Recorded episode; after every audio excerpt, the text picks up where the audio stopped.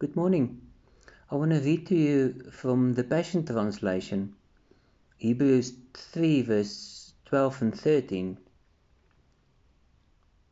We, in such a groove, we, we've given our hearts to God, we've, we've converted, we've accepted Jesus Christ as our Savior. But listen what verse 12 and 13 says.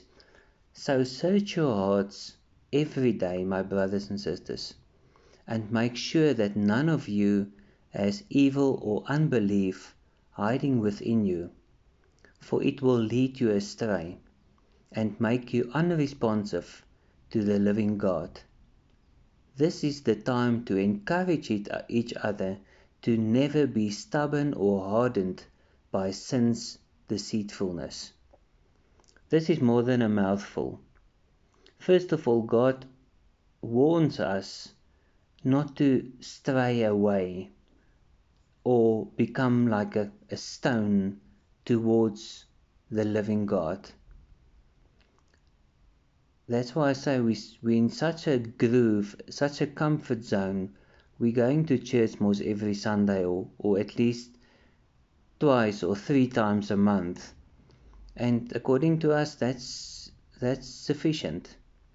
But that people that you're going to with to church, that's the people that encourages you every day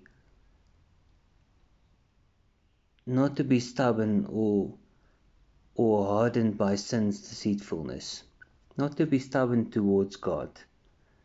And that that is who we are supposed to be we are always looking for someone else that we can go to for for help. We can go to for for encouragement. But why don't you be that person that other people can go to for encouragement for help? We're very quick to say oh you know what? I don't have the time. But is is that not a command of god to to be Jesus Christ to people around us, that we must go out, make disciples of people, baptize them, take them by the hand, and teach them the way of God. I think um, I think sometimes we miss the point. Let's let's look at our hearts first let's look at, at ourselves, our own lifestyle, first of all. And then make it make a definite decision that you're going to be the encourager wherever you go. Don't talk negative, be positive, be the uplifter, be the one that encourage always, all the time. Let's pray.